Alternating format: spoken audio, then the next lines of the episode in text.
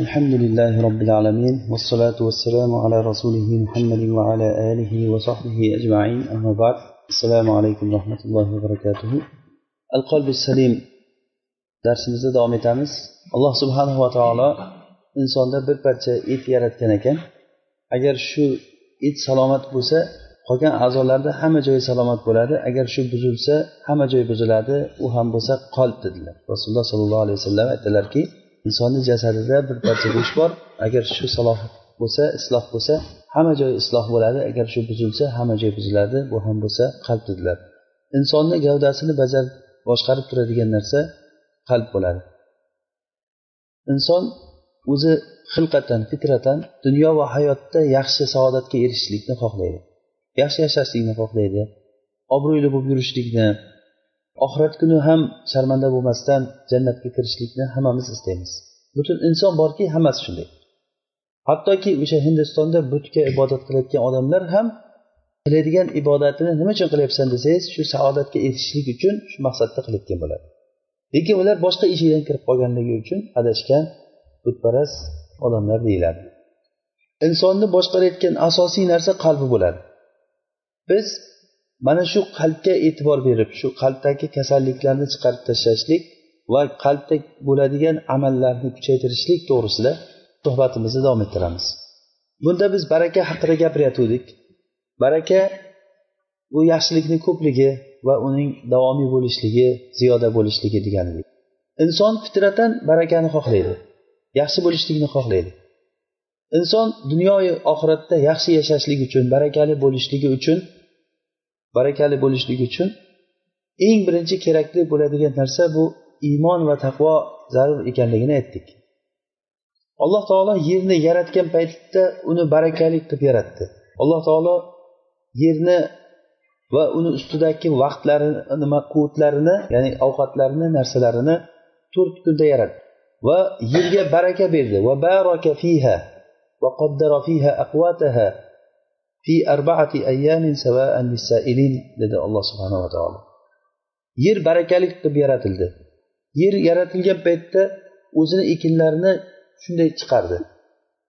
Keyin bu baraka odamlarni gunohlari bilan ma'siyatlari bilan borgan sari kamayib kamayib kamayib kamayib kelaverdi to bugungi hozirgi kunimizgacha. Hatto shu darajagacha borib qoldikki na bir topgan pulimizda baraka bo'ldi na vaqtimizda baraka bo'ldi. Hammamiz shu barakani yo'qligidan vaqtda baraka qolmaganligini shikoyatini qilamiz. Qanday qilib turib ertalabdan kechqurun bo'lib qolgan? Hech narsaga ulgurmagansiz. Na bir farzand tarbiyasiga vaqt ajratolgansiz olloh subhanava va taologa itoat qilgan odamlar ya'ni sahobalar bular mana shu hayotda qanday yashash kerak ekanligini ko'rsatib qo'ydi. Ular ollohga kechalari bilan ibodat qildilar. Kunduzlari olloh buyurgan joylarda yurdilar lekin shu bilan birga shunday bir solih farzandlarni tarbiya qildilarki bu narsani yer kurrasi bunaqangi narsani ko'rmagan. Bu baraka kamayib kamayib ketaverdi. Buni yana o'z holiga asliga qaytaradigan narsa iymon va taqvo bo'ladi. Iymon birinchi o'rinda qalb amallarini birinchisi va taqvo qalb amallarini birinchisi. Va mana shuni orqasidan shuni orqasidan. Taqvo degani siz o'ziz bilan ollohni azobini o'rtasida bir to'siq qilishligingiz taqvo degani har bir narsada bo'ladi bu. Moliyaviy masala bo'lsin oddiy suhbat bo'lsin. Bir birimiz bilan suhbatlashib turgan paytimizda shu hozirgi suhbatimizda siz ollohni azobidan to'siqdamisiz yo azobga qarab ketyapsizmi? Agar g'iybat qilib ollohni g'azablantirayotgan narsani gapirayotgan bo'lsangiz demak taqvo yo'q degani. Qanchalik sizda iymon va taqvo ko'rinish beraversa shunchalik darajada sizni hayotingizda baraka alloh subhanava taoloni xayri ko'rinib boraveradi. Bu baraka hattoki o'zini ko'rinishligini to'la ko'rinishligini yana qaytaradi. Qiyomatdan oldin iso alayhissalom adolatlik hakam bo'lib tushib odamlarni ichida hukm qilgan paytda mana shu paytda rasululloh sollallohu alayhi vasallam o'sha paytdagi odamlarni yashashligini juda ham maqtab aytdilar. Abu nuaym hilya kitobida va daylamiy bu hadisni chiqargan suyutiy rahimaulloh jami sahihida aytgan ekan abu hurayra roziyallohu anhudan rasululloh sollallohu alayhi vasallam aytdilar masih alayhissalomdan keyin ya'ni iso alayhissalom tushgan vaqtdan vaqtdagi hayotga juda ham tuba deganlik bu jannat bo'lsin ya'ni qanday ham yaxshi hayot bu. O'sha iso alayhissalom tushgan paytdagi iso alayhissalom dajjolni o'ldirgandan keyin yajuj majujlar chiqib yajuj majujlarni alloh taolo halok qilib yuborgandan keyin yerga bir yomg'ir yog'ib yajuj majujlarni yo'q qilib yoki qushlar kelib rivoyatlarda aytilgani kabi ular ketgandan keyin alloh taolo yerga barakasini beradi. Mana shu paytda hattoki alloh taolo osmonga izn berar ekan yomg'irni yog'dirishlikka yerga izn berar ekan ichidagi bor baraka hamma ekinlarni ko'kartirishlikka hattoki bir don agar toshni ustiga don ekilsa ham o'sha paytda ko'karib ketar ekan. Hattoki bir kishi sherni oldidan o'tadi u sher unga ziyon qilmaydi. Ilonni bosib olsa u ilon unga ziyon qilmaydi degan. Odamlar o'rtasida hech bir biriga bo'lgan hasadlashishlik bir biriga g'azab qilishlik bunaqangi yomon ko'rishlik degan narsalar bo'lmaydi deganlar. Mana bu juda ham farovon hayot. Hattoki bitta anor mevasini bitta anorni mevasini bir qancha mana shu jamoa yeb to'yadi degan. O'sha anorni po'stlog'ini qo'yib qo'yib soya qilib o'tiradi bir qancha jamoat akida degan. Bitta anorni po'stlog'ini. Bitta uzumni olinadigan bitta mevasi bitta tuyaga yuk bo'ladi degan ekan. Bitta qo'ydan sog'ib olingan suti bir uydagi qarindoshlari bilan ko'pchilik bo'lib ichsa yetadi. Bitta tuyadan sog'ilingan narsa bir qancha jamoatga yetadi. Bitta sigirdan sog'ilingan bir sog'ilingan sut bitta mahallaga yetadi degan. Shunchalik darajada xayr baraka ko'p bo'lib ketadi. Buni sababi iymon va taqvo bilan.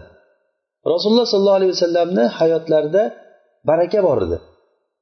Sahobalarni hayotlarida baraka bor edi. Bu narsani asosiy sababi nima edi? Iymon va taqvo edi.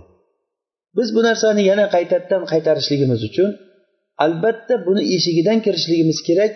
Bu ham bo'lsa iymon va taqvo. Alloh taolo aytadiki agarda bir qishloq ahli iymon keltirib taqvo qilganlarida edi biz ularga osmonlardan va yerdan barakalarni eshiklarini ochib qo'ygan bo'lardik. Ibn qayim rahimaulloh aytadilarki ular iymon keltirib qalblaridan sidiq bilan iymon keltirsalar va shu iymonlarini tashqarida amallari bilan tasdiqlab isbotlab ko'rsatsalar alloh taolo ularga hamma tomonda yaxshiligini ochib qo'yadi. Nafaqat ularni puli ko'pligi balki ularni farzandlaridagi baraka vaqtlaridagi baraka umrlarida amallarida ilmlarida ayollarida hamma narsalarida baraka bo'ladi. Bu narsa alloh subhanava taoloni e, bandalarga qo'ygan sharti. Biz mana shu yo'ldan kelib chiqib demak buni bitta yo'li iymon ekan iymon qalb amalini birinchisi ekan mana shu iymon qalb amalidagi amallarga e'tibor berib shu orqali biz baraka e, umid qilamiz. Bundan biz gapirdikki qalb amallaridan alloh subhanaa taoloni qadariga rozi bo'lishlikni gapirdik. Ollohni qadariga rozi bo'lsa uni hayotiga baraka berilishligi va yana rasululloh sollallohu alayhi vasallamni yaxshi ko'rishlik. Rasulullohniga bo'lgan muhabbat bu qalb amali. Mana shuni ortidan baraka kelishligiga misollar keltirgan edik. Bugungi mavzuyimiz saxovat haqida. Saxovatdan baraka kelib chiqishligi. Saxovat o'zi bu nima va bundan baraka kelishligi haqida suhbat qilamiz. Ibn hibbon rahimaulloh o'z sahihida bob ajratib aytgan aytdilarki bab إثبات ذكر العيش في الأمن وكثرة البركة في الرزق للواصل رحمه ya'ni yashashlik omonda bo'lishligi ya'ni xotirjam yashash hayotda yashashlik va rizqda barakani ko'p bo'lishligi qarindoshga bordi keldi qiluvchi odam uchun bo'lishligini isboti degan bob aytgan va mana shunda rasululloh sollallohu alayhi vasallamdan mashhur bir hadisni keltirgan sizlardan kimki agar rizqi farog' bo'lib keng bo'lishligini xohlasa umri uzoq bo'lishligini xohlasa qarindoshiga bordi keldi qilsin degan. Undan keyingi bobda shu hadisni boshqa rivoyat bilan chiqarib aytganlarki kimki sizlardan umri uzoq bo'lishligini rizqi faroh bo'lishligini xohlasa bu odam ollohga taqvo qilsin va qarindoshiga bordi keldi qilsin dedilar. Mana shu baraka keltirishlik sabablarini eng asosiysi bo'lgan hozir rasululloh sollallohu alayhi vasallam shahodatlari bilan qarindoshga bordi keldi qilishlik qarindoshga bordi kelish bordi keldi qilishlik bu silatul rohim shariatda juda ham muhim o'rinda turadi. Shu qarindoshiga bordi keldi qilishlikda umriga baraka bo'ladi rizqiga baraka bo'ladi deyapti. Lekin qarindoshga bordi kelishlikni o'zi foyda bermaydi agar qalbda iymon bo'lmasa. Bu narsa amal hammasi iymonga bog'liq bo'lgan narsa bo'ladi. Hattoki saxiylik ham. Hozir bugun biz suhbatlashmoqchi bo'lgan saxovat ham agarda shu qalbdagi saxiylik qalbda saxiylik bu qalb amali tashqaridagi molni sarflash degani emas bu saxiylik degani qalbdagi hozir tushuntiramiz bu narsani. Mana shu agar iymon bilan bo'lmasa uni saxovati ham silay rahimi ham foyda bermaydi. Buxoriy rahimaulloh va muslim hakim ibn hizam roziyallohu anhuni hadisdan rivoyat qilib keltiradilar. Hakim ibn hizom aytadilarki men rasululloh sollallohu alayhi vasallamdan ato so'radim. Ya'ni menga moldan bering deb so'radim. Rasululloh sollallohu alayhi vasallam menga berdilar. Keyin yana so'radim. Yana berdilar. Keyin rasululloh aytdilarki ey hakim bu mol inna hadal mala hodiratun hulva bu mol yashil ya'ni ko'zga chiroyli ko'rinadigan yashil va shirin narsadir.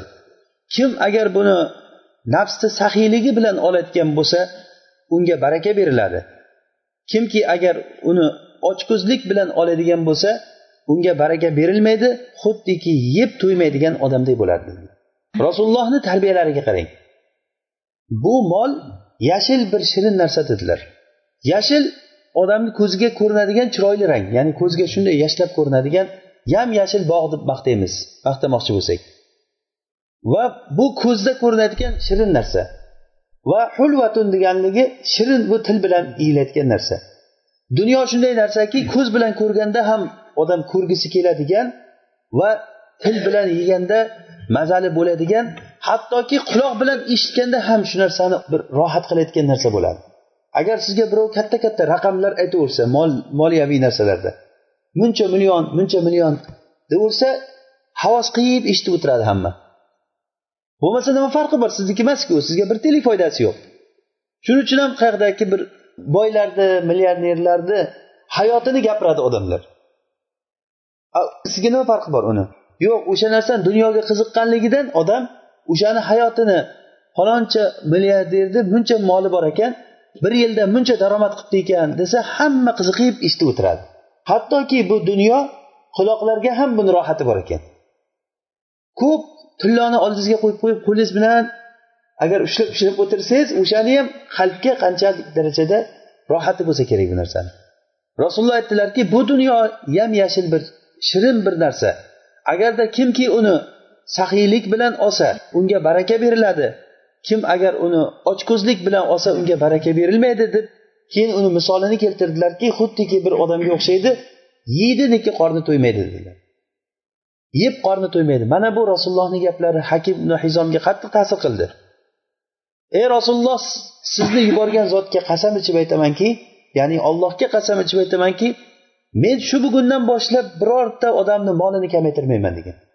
Shu bugundan boshlab birorta odamni molini kamaytirmayman degani hech kimdan hech bir narsa so'ramayman talab qilmayman dedi. Rasululloh dunyodan o'tganlaricha birovdan bir narsa so'ramagan. Rasululloh dunyodan o'tganlaridan keyin abu bakr xalifa bo'ldi. Abu bakr chaqirib hakim hizomga baytul moldan uni ulushini olib turib mana bu seni haqing olgin deb bergan paytda olmadi qattiq aytganda ham olmagan abu bakrni dunyo o'tib ketgandan umar xalifa bo'ldi. Umar chaqirib turib mana bu seni haqing olgin deganda olmayman degan. Hatto umar odamlar ichida xutba qilib aytganki mana shohid bo'ylar men hakimga beryapman bu olmayapti hayotini oxirigacha hech bir odamdan hech bir narsa so'ramay o'tib ketgan ekan. Rasulullohni bir og'iz gaplari bilan bu dunyo bir shirin ko'zga ko'rinayotgan narsa agarda kim uni saxiylik bilan olsa ya'ni ko'ngil to'qligi bilan olsa u olgan narsasiga baraka beriladi. Agar kimki uni ochko'zlik bilan olsa uni unga baraka berilmaydi barakasi o'chiriladi u yeb to'ymaydigan odamga o'xshaydi deyiladi o'zi saxiylik degani lug'atda bu lin ya'ni sahla lin deb arab tilida aytiladi yumshoqlikdan olingan. Ya'ni arab tilida aytiladiki yerni yumshoq joyiga assahoviyu minal ard deydi. Yer keng atroflari bunday tiqilinch bo'lmagan keng maydon bo'lsa o'sha keng maydonga sahiy joy ekan deyiladi arab tilida. Ya'ni bu degani pehlni kengligi degani. Ya'ni yumshoqlik degani. Sahiy odam degani demak pulni beraverayotgan odam degani emas faqat. Sahiy degani bu yumshoq odam degani. Agar siz bilan savdo qilsa darrov rozi bo'ladi bir narsaga. Bir narsaga agar hukm talashib qolsa o'shanda turib olmasdan mayli deydi. Rozi bo'ladi. Ana shu saxovat shundan olingan. Asli o'zi arab tilidagi asin val xou val vav harfil illa bu asli lin ya'ni yumshoqlikdan olingan. Saxovat degan kalima arab tilida nima? Yumshoqlik ma'nosidan chiqadi. Demak saxiy odam albatta yumshoq bo'lishi kerak degani juda ham qattiq haligi savdo qilgan paytda bir xil odamlar bor agar bir tiyin bo'lsa ham tushmasa olmaydi. Yo'q tushing tushib bo'lgandan keyin ozroq kam beradi rozi bo'l endi deydi. Choy puli deydi. Hech bo'lmasa avtobusni pulini chiqarib ber deydi. Uygacha borib olishim kerak men deydi. Hamma tomondan urib qolishga harakat qiladi savdo qilinadi birinchi pulidan tushiradi. Keyin ozroq beradi. O'shandan keyin ham. Olishda ko'proq olishga harakat qiladi keyin. Tasha tasha yana tasha deydi og'irroqqa deydi. Og'ir qilib olishlikka harakat qiladi. Mana bu juda ham qattiq. Bir payt kelgan paytda to'y qilsa to'yida sochib sochib yuboradi o'sha odam. Bu ko'rgan odam uni saxiy deb o'ylaydi yo'q bu odam odamlarga yengilligidan qilgan yo'q. Yana uni orqasidan odamlar meni maqtasin. Falonchi odam o'sha odamlarni ustiga noshariy o'yinlar tashkil qilib muzikalar tashkil qilib odamlarni ustiga pul sochadi. O'sha odam. Odamlar saxiy desin deydi uni. Bu demak saxiylik degani u degani emas bu. Saxiylik degani qalbdan birinchi o'rinda qalbda insonni yumshoqligi degani. Bir narsa agar siz bilan hukm talashib qolsa yumshoq qo'yib yuboradi. Agar sizdan haqini talab qilsa bering meni haqimni desa hozir iloji yo'q desangiz ha mayli keyin berasiz deydi birdan saxiy degani mana shu yumshoqlik degani. Usmon roziyallohu anhu bir kishidan yer sotib olgan ekan. Yer sotib olgan.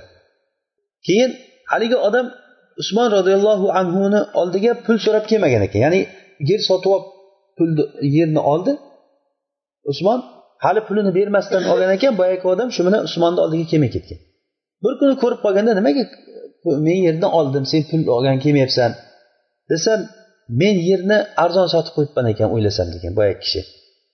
Yerni arzon sotib qo'yibman ekan. Kimdan so'rasam sen arzon sotibsan deyapti degan. Shunda usmon birdan aytgan ekanki bo'ldi senga ixtiyor. Xohlasang yeringni qaytarib yubor hozirni o'zida mana shu narsani sen ixtiyorlisan degan. Shunchalikki rasulullohni sahobalari sahl bo'lishgan. Pul uchun bir biri bilan hech qachon adashib qalb bir janjalga borishligi mumkin lekin eslatilingan paytda birdan eslagan. Bir kuni masjidda ikki kishini ovozi qattiq qattiq ovoz chiqayotganligi buxoriy rahimulloh sohihida chiqargan hadis. Ubay ibn kab bilan bittasi bir kishi ansoriylardan bir kishi u kishini qarzi bor ekan u bermay yurgan ekan ansoriy. Masjidda ovozlari qattiq baland ko'tarilganda rasululloh hujralaridan pardani ochib qarasalar shu ikkalasi baqirishyapti keyin mavzuni bilganlaridan keyin rasululloh ey ubay degan rasulullohga qaragandan qo'llari bilan bunday qildilar ya'ni yarmini tushir qarzing degan. Bo'ldi ey rasululloh qarzimni yarmidan o'tdim dedi. Birdan mana saxillikni qarang. Bo'ldi o'tdim dedi. Keyin boyagi ansoriyga bor olib kel degandan keyin shunday ketib borib olib kelib bergan birdan buni buxoriy rahimalloh kitabul qadoda chiqargan. Kitabul qadoda masjidda turib turib hukm qilishlik degan. Ya'ni rasululloh sollallohu alayhi vasallam o'zlari uyda turibdilar. Ular masjidda turibdi. O'sha joyda ishora bilan ham o'rtani isloh qilib bir og'iz gap bilan qo'li bilan bunday qilsalar bo'ldi qildim ey rasululloh deyapti. Bor sen olib kel desa unisi ham yugurib borib qarzini olib kelib bergan bo'ldi masala hal bo'lgan. Rasulullohni ashoblari mana shunday yumshoq bo'lgan. Hasan basriy rahimaulloh agar bir odamlar din uchun tortishib yotgan odamlarni oldidan o'tib qolsalar ba'zi bir odamlar bir bir din haligi ularda bir daniq degan nima bo'lgan? Pul birligi. Ya'ni bu degani hozirgi bizga qurishlarga to'g'ri keladi. Shuni tushgin unisi yo'q tushmayman tushasan tushmayman deb turgan paytlarda o'tib qolib bu nima gap? Dunyo uchun shuncha bir birlaring bilan tortishasizlar? Muruati yo'q odamni dini yo'q dedilar. Muruati yo'q odamni dini yo'q degan. Hasan basriy aytyaptilarki muruati yo'q odamni dini yo'q bo'ladi dedilar. Oysha roziyallohu anhu aytadilar rasululloh sollallohu alayhi vasallam bir kuni bir odamlarni ovozlari qattiq chiqayotganliklar chiqayotganligini eshitdilar. Bittasi bir narsani narxini tushgin desa unisi vallohi tushmayman deb aytyapti ekan. Narxini ozroq sal arzon qilib bergin ozroq o'tib bergin desa vallohi o'tmayman deganda rasululloh chiqib turib kim u ollohga yaxshilik qilmayman deb qasam ichuvchi odam kim? dedilar. Ya'ni yaxshilikni vallohi qilmayman deyapti. Kim u ollohga qasam ichuvchi? deganda men ey rasululloh bo'ldi. U nimani xohlasa shu bo'ldi tamom degan. Birdan o'sha joyda ana bu saxiylik degani. Ya'ni lin yumshoqlik degani. Rasulullohni bir og'iz gaplari bilan ollohga bu qasam ichyaptiki ollohni nomidan vallohi men bu ishni qilmayman degani. O'sha paytda birdaniga shu narsaga o'tib yubordi. Sahobalarni qalblari shunchalik tirik bo'lgan. Qalb baribir insonchilik odam pulni olishlikni yaxshi ko'radi hamma yaxshi ko'radi pulni. Olishlikni hamma ham yaxshi ko'radi. Mana shu paytda lekin bir eslatishlik bilan tamoman esiga kelgan birdan o'ziga kelib o'zini o'nglab olgan. Ibn qayim rahimaulloh aytadilar saxiylik ikki turli bo'ladi. Saxiylik ikki turli bo'ladi. Uni eng sharaflisi ikkinchisi dedilar. Ya'ni u odamlarni qo'lidagi narsadan saxiy bo'lish degan. Birinchisi odamlarga saxiylik qilib siz o'zingizni qo'lingizdagi narsani birovlarga berishlik bu birinchi nav ikkinchisi odamlarni qo'lidagi narsadan saxovat qilish degani shundan yuz o'girish degani.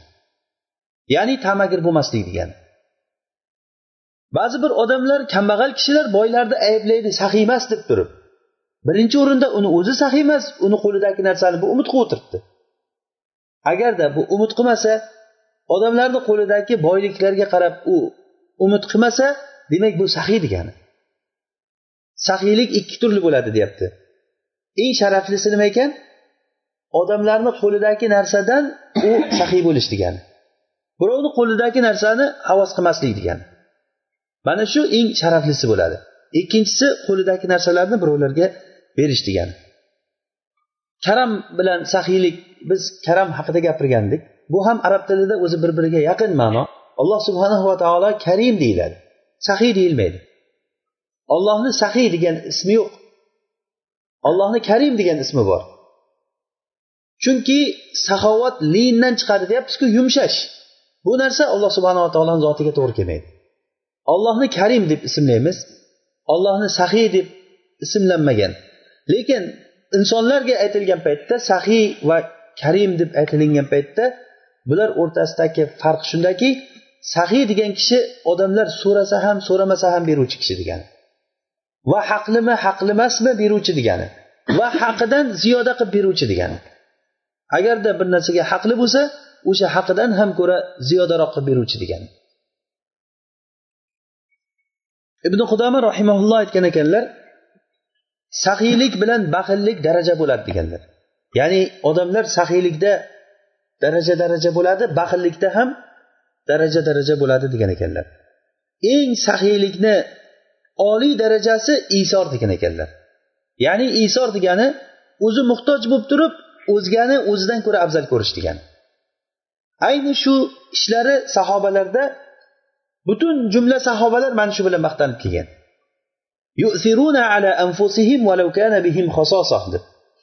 Agar ularni o'zlarida muhtojlik bo'lib tursa ham birodarlarini o'zidan ko'ra afzal ko'radi. Hattoki muhtojlik bo'lib buni misoli ikrimat ibn abi jahl shahid bo'lishlik paytidagi voqea.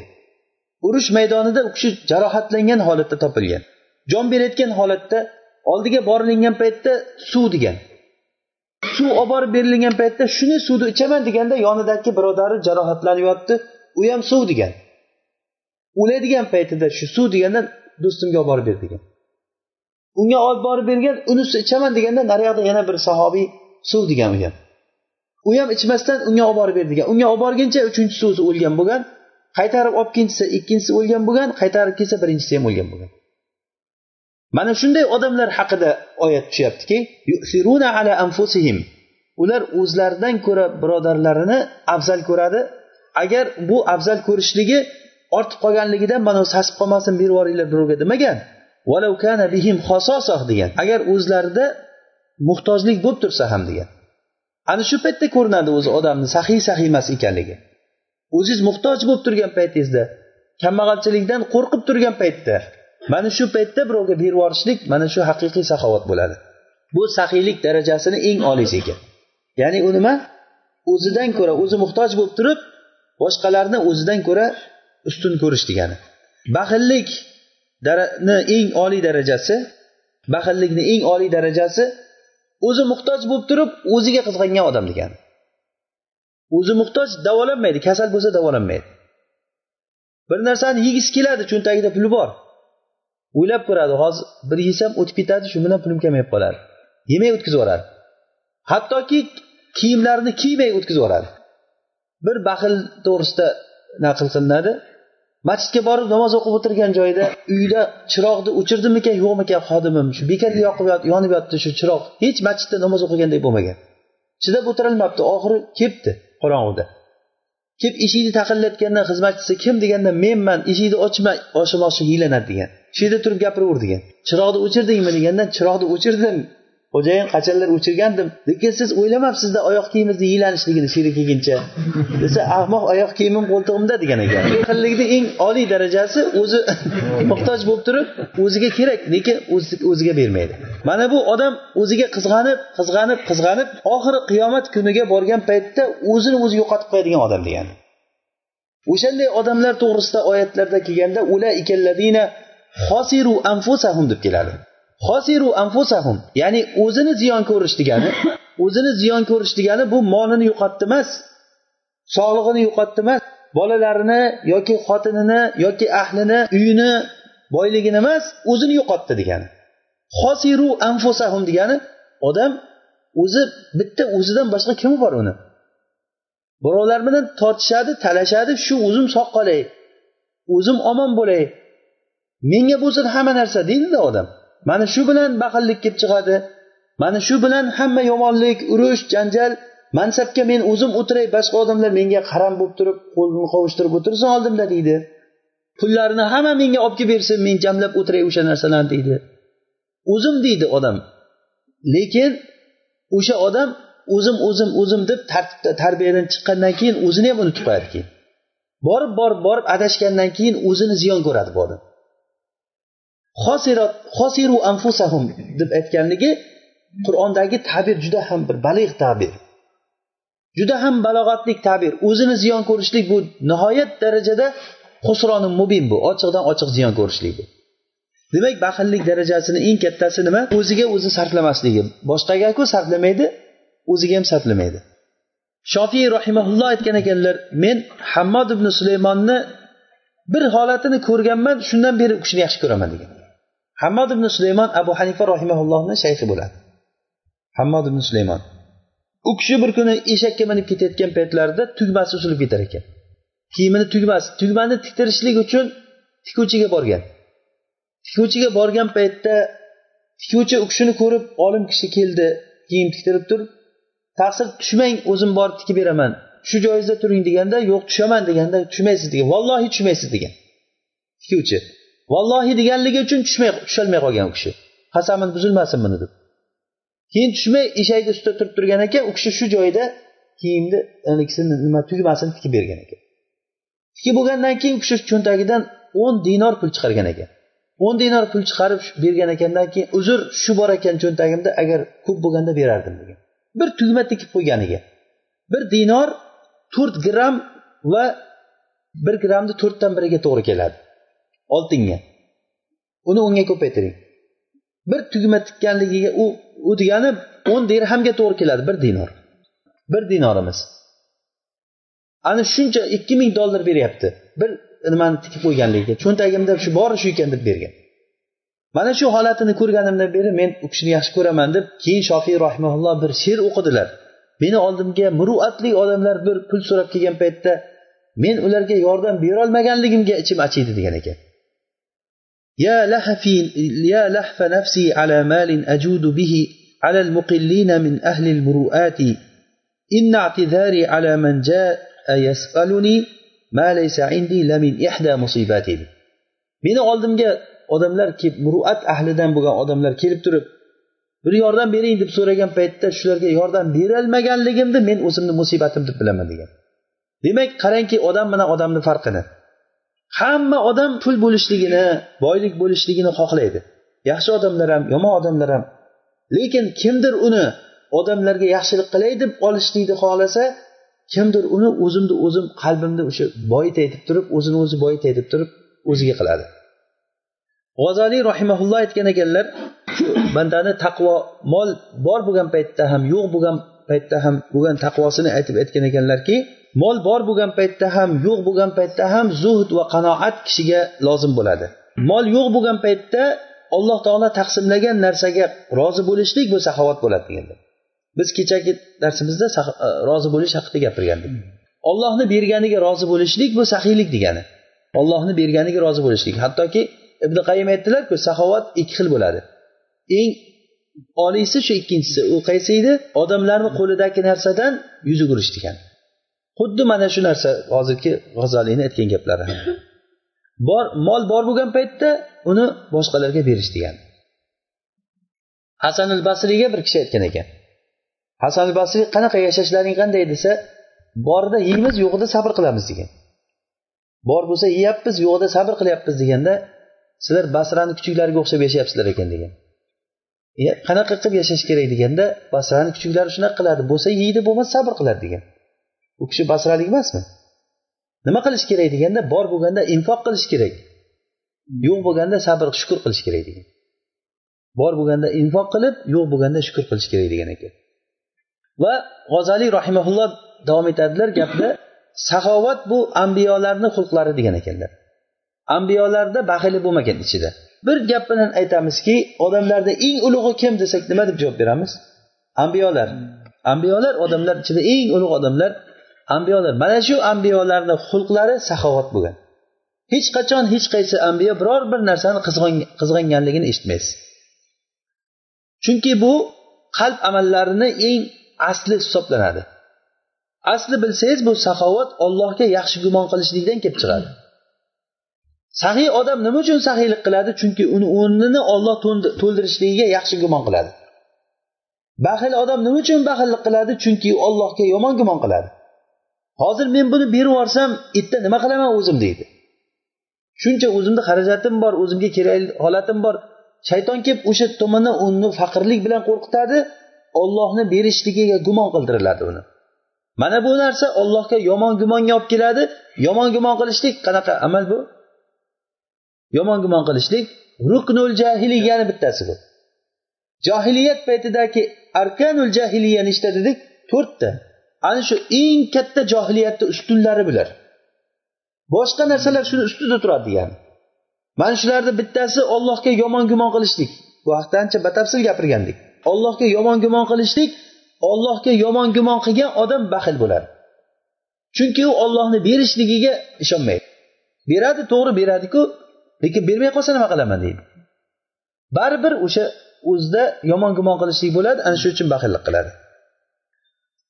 Rasululloh sollallohu alayhi vasallamdan mashhur hadisda kelganki sizlardan oldingi bir kishini hisob kitob qilindi. Qiyomat kunida hisob kitob qilinganda buni yaxshilikdan hech bir narsasi yo'q ekan. Bu hadis buxoriyda kelgan. Lekin bitta yaxshiligi bor ekan o'sha tijoratdagi xizmatchilariga aytar ekanki qullariga qaranglar agar kim qiynalgan odam bo'lsa uni pulini olmay vaqtidan o'tinglar der ekan. Vaqtidan bitta shu yaxshiligi bor ekan. Mana shu odamga alloh taolo aytgan ekanki biz uni o'tib yuborishlikka haqlimiz u odamlarni o'tib yuborardi biz undan o'tib yuborishlikka haqlimiz deb turib uni kechirib yuborgan ekan gunohini. Buxoriydagi hadisda kelgan. Agar siz karim bo'lsangiz sahiy bo'lsangiz alloh taolo bilingki akromul akromin eng sahiylarni sahiysi agarda olloh uchun bir odam bir ish qilsa olloh uchun qilsa alloh taolo uni evaziga undan ko'ra yaxshirog'ini berishligi bu ollohni sunnatidir. Mana shu narsaga yaxshi gumon qilsangiz agar mana shu narsaga yaxshi gumon qilsangiz bu albatta buni o'rnini olloh subhanava taolo to'ldiradi.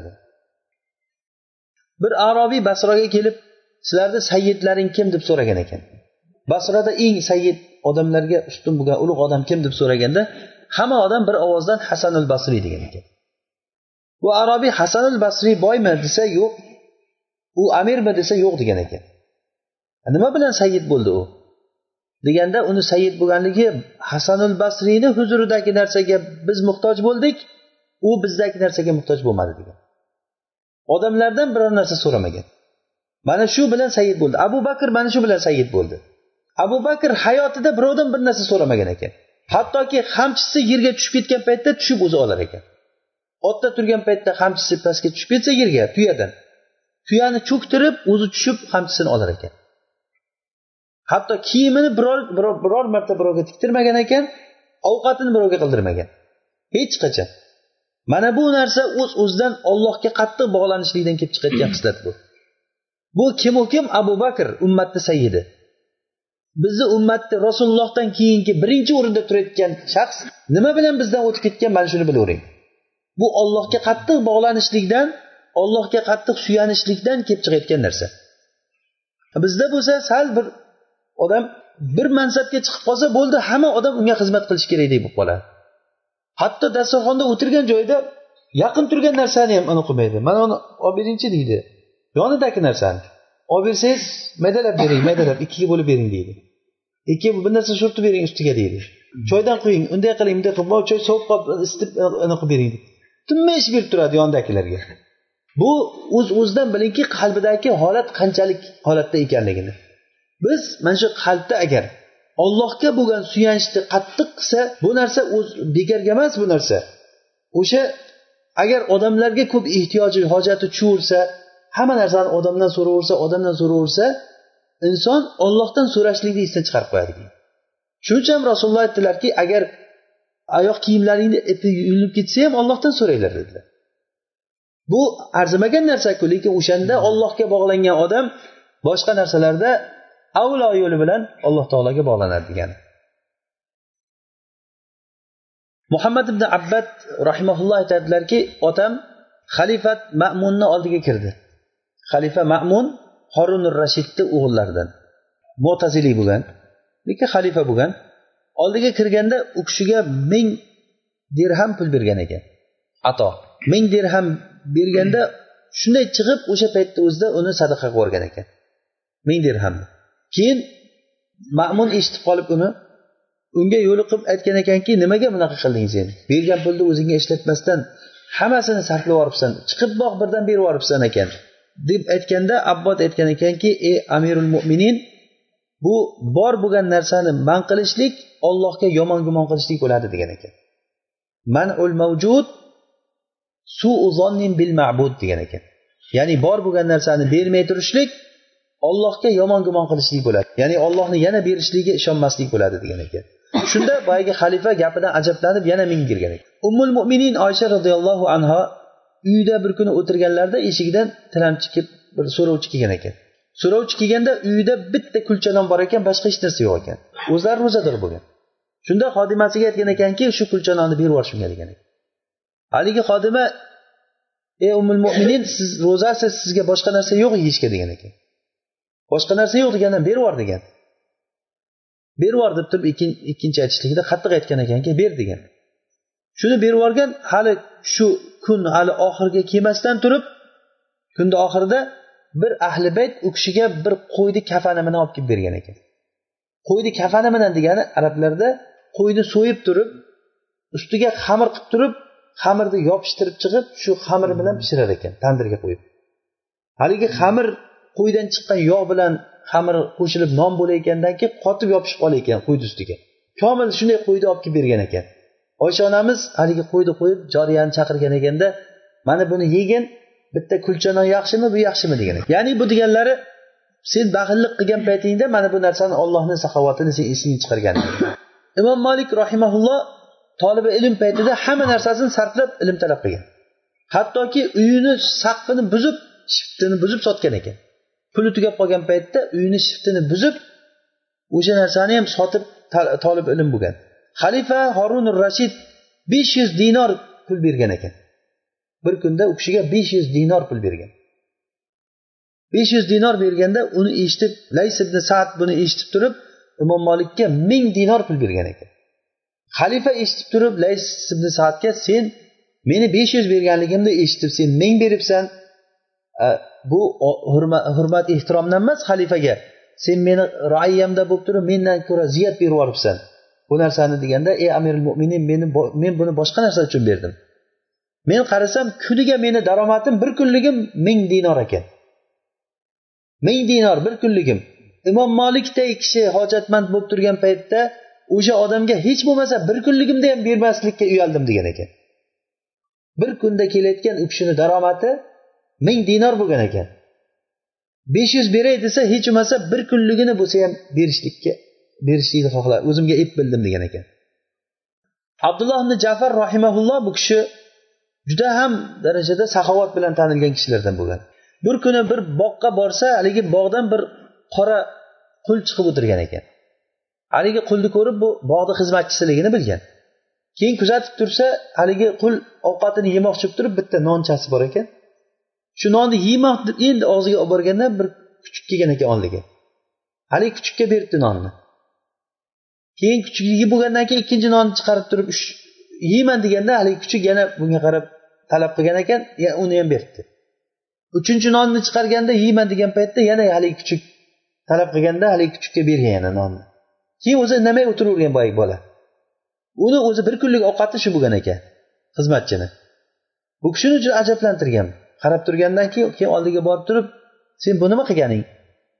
Shu bir kunlik ovqating shumi hammasi? deganda hammasi shu bir kunda menga shu beriladi degan.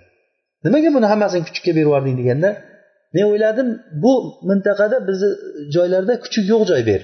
Bu aniq musofir kuchuk bu degan. Bu qorni och qolganligidan qiynalganligidan mana shu yerga kelib qolgan u degan. Men ertaga ham haqimni olib yeyveraman degan shu kuchukka yaxshilik qilganligini ko'rib men hali saxiyman deb maqtanib yuribman degan. Abdulloh ibn jafar mana bu yerda saxovat mana bo'lyapti degan. Ya'ni o'zi muhtoj bo'lib turib bor narsasini maqtamaydigan narsaga beryapti yana. Agar odamga bersangiz ham u odamdan sizga maqtov kelishi mumkin erta bozorga borib boshqa joyga borganda faloncha menga buncha pul berdi deyishligini xohlab berishi ham mumkinda odam. Sizni puldan ko'ra obro'y olishlik yana ham kattaroq nima bo'ladi. Odamga bir rohat bo'ladi. Bu ham bir shahvat bu ham. Bu puldan ko'ra ko'proq shahvat. Shuning uchun odamlar pullarini nima obro'y kelishligi uchun haligi pul ketsa ketsin obro'y ketmasin degan gaplar borku. O'shanga sarflaydi odamlar. Shunda bu kishi haligi bog'ni egasi bilan uchrashib turib bog'ni sotib olgan ekan. Abdulloh ibn jafar. Bog'dagi haligi qul bilan birga ikkovsini ham qo'shib sotib olib turib qulni ozod qilib mana shu bog'ni shunga hadya qilib yuborgan ekan. Bu bog' senga degan ekan. Lays ibn saad rahimaulloh aytgan ekanlarki men zuhriydan ko'ra saxiyroq odamni ko'rmaganman degan. Bu kishi faqirlarga molini kim nima so'rab kelsa berardi. Majlisda o'tirgan paytda agar birov bir narsa so'rab kelsa cho'ntagida bir narsa bo'lmasa yonidagilardan qarz olib beradi degan. Yonidagi odamlardan ham bo'lmay qolsa qullariga aytar ekan men uchun bir narsa berib turinglar sizlarga keyin beraman der ekan. Haligi o'zida yo'q bo'lsa ham o'sha uni nomiga qarz qilib turib berib yuborar ekan. Imom shofiy rahimaulloh dunyodan o'tish paytlarida dunyodan o'tish paytlarida vasiyat qilgan ekanki meni falonchi yuvsin degan ekanlar.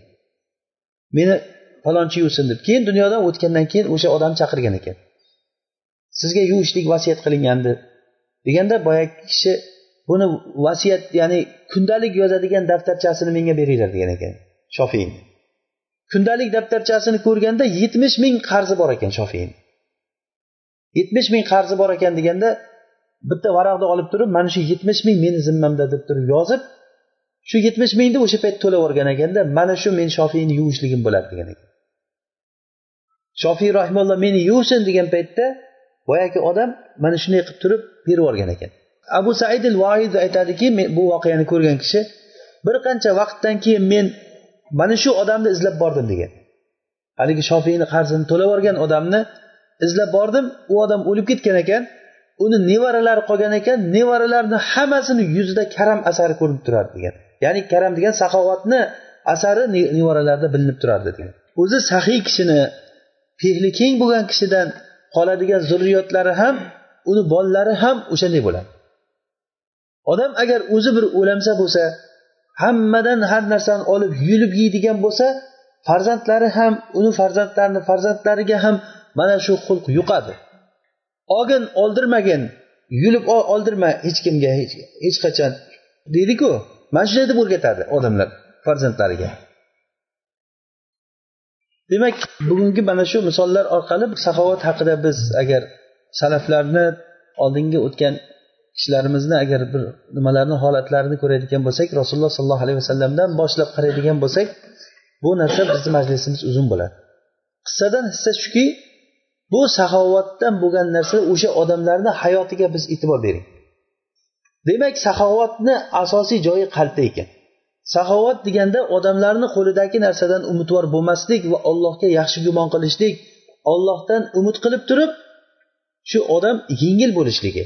Nafaqat bu pul berishlikda balki birinchi o'rinda saxiylik birovdan bir narsa so'ramaslik bilan boshlanadi. Birovdan talab tamagir bo'lmaslik undan keyin birovlarga qo'lida bor narsani berishlik. Agar hukm talashib qolgan paytda yengil o'tishlik o'sha narsalardan.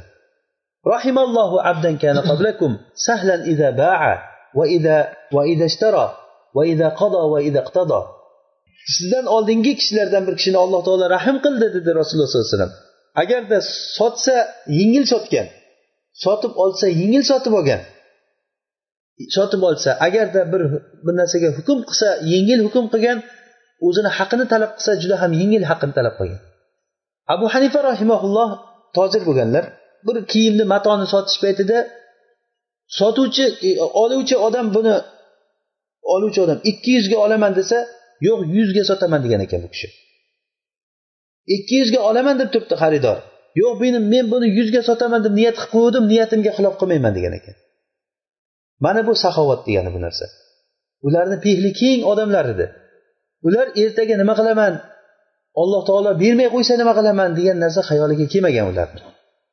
Inson mana shu narsalarni o'ylasa ollohni sizga bergan atosini sizga bergan sovg'alarini ne'matlarini odam his qilsa qanchalik darajada bizga alloh taolo katta bir ne'matlar ato qilgan. Muhammad hasson hafizaulloh aytadilar misrda bir tanishim bor katta boy kishi. Bankdagi hisobdagi puli olti yuz million dollar puli bor deydi. Bankda turib hali uni boshqa uy joy boshqa narsalardan tashqari naqd puli shuncha ekan bir o'g'li bir qizi bor. Qizi turmushga chiqib ketgan o'g'li men otam puliga yashamayman men mustaqil hayot qilaman deb angliyaga ketib yuborgan deydi. Bir o'zi qolgan xotini bilan. Iskandariyadan kelishda qohiraga kelishda moshina yumalab ketib xotini dunyodan o'tgan shopiri omon qolgan. Haligi odamni o'zi boshi omon qolgan. Qolgan gavda hech joy ishlamaydi qo'l oyoq hech joy ishlamas ekan faqat bosh qolgan.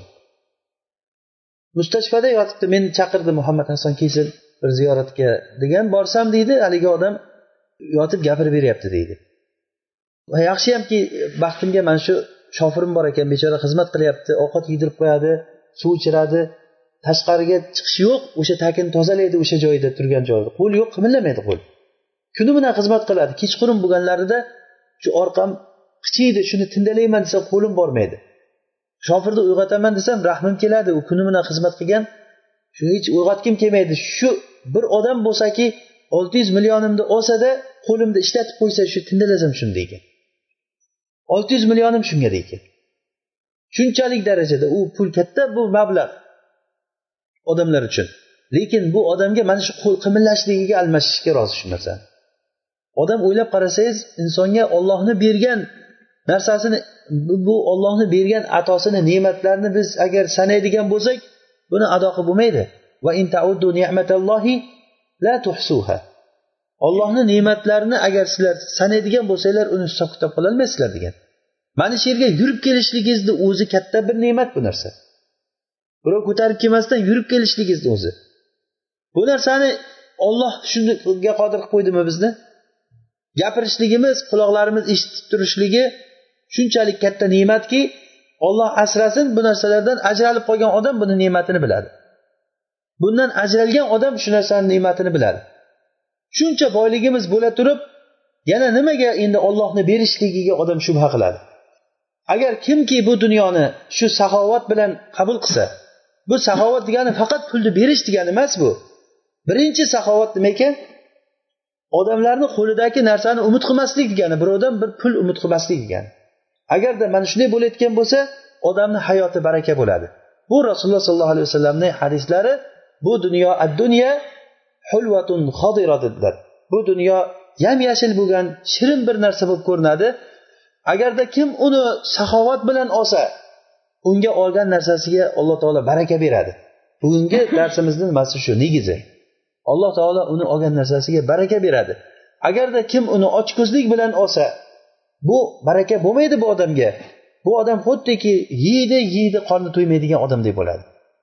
Yesayu qorni to'ymasa yesayu qorni to'ymasa bu nima keragi bor ovqat yeyishiga? Quruqni uni yeyishlikdagi mashaqqat qoladimi?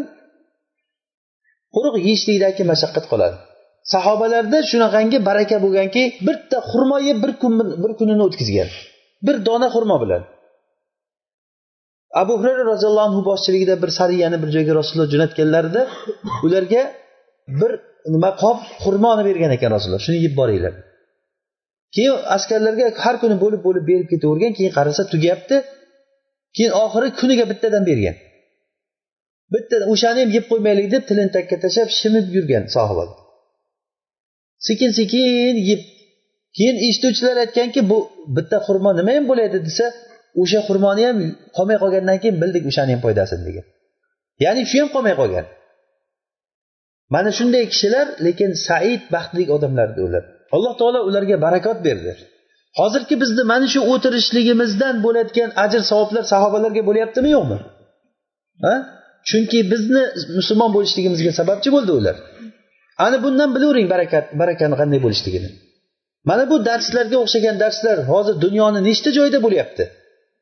Hammasini fazli qiyomat kunigacha bo'layotgan savoblar hammasi yig'ilib yig'ilib yig'ilib sahobalarni mezoniga boradimi? Mana bu narsadan ko'ra katta narsa bo'lmaydi. Shuning uchun biz hisobimizni sal to'g'irlab olishligimiz kerak. Hisob kitob faqat pul bilan bo'lmaydi. Hisob kitob faqat pul bilan o'lchamaslik kerak narsani odam. Inson hayotda bu barakalik bo'lishligi uchun mana shu amallarni qilishligimiz kerak ekan. Barakani eng asl eshigi iymon va taqvo ekan. Iymon va taqvo bu birinchidan bo'lib turib qalb amallariga bog'liq bo'lar ekan. Qalb amallaridan bugun o'tganimiz saxovat ekan. Agar kishi saxiylik bilan dunyoni qabul qilsa alloh taolo unga baraka beradi. Alloh taolo o'zi baraka bersin hayotimizga ilmimizga amalimizga farzandlarimizga butun hayotimizga alloh taolo o'zi baraka bersin. Va axiru davana alhamdulillahi robbil alamin.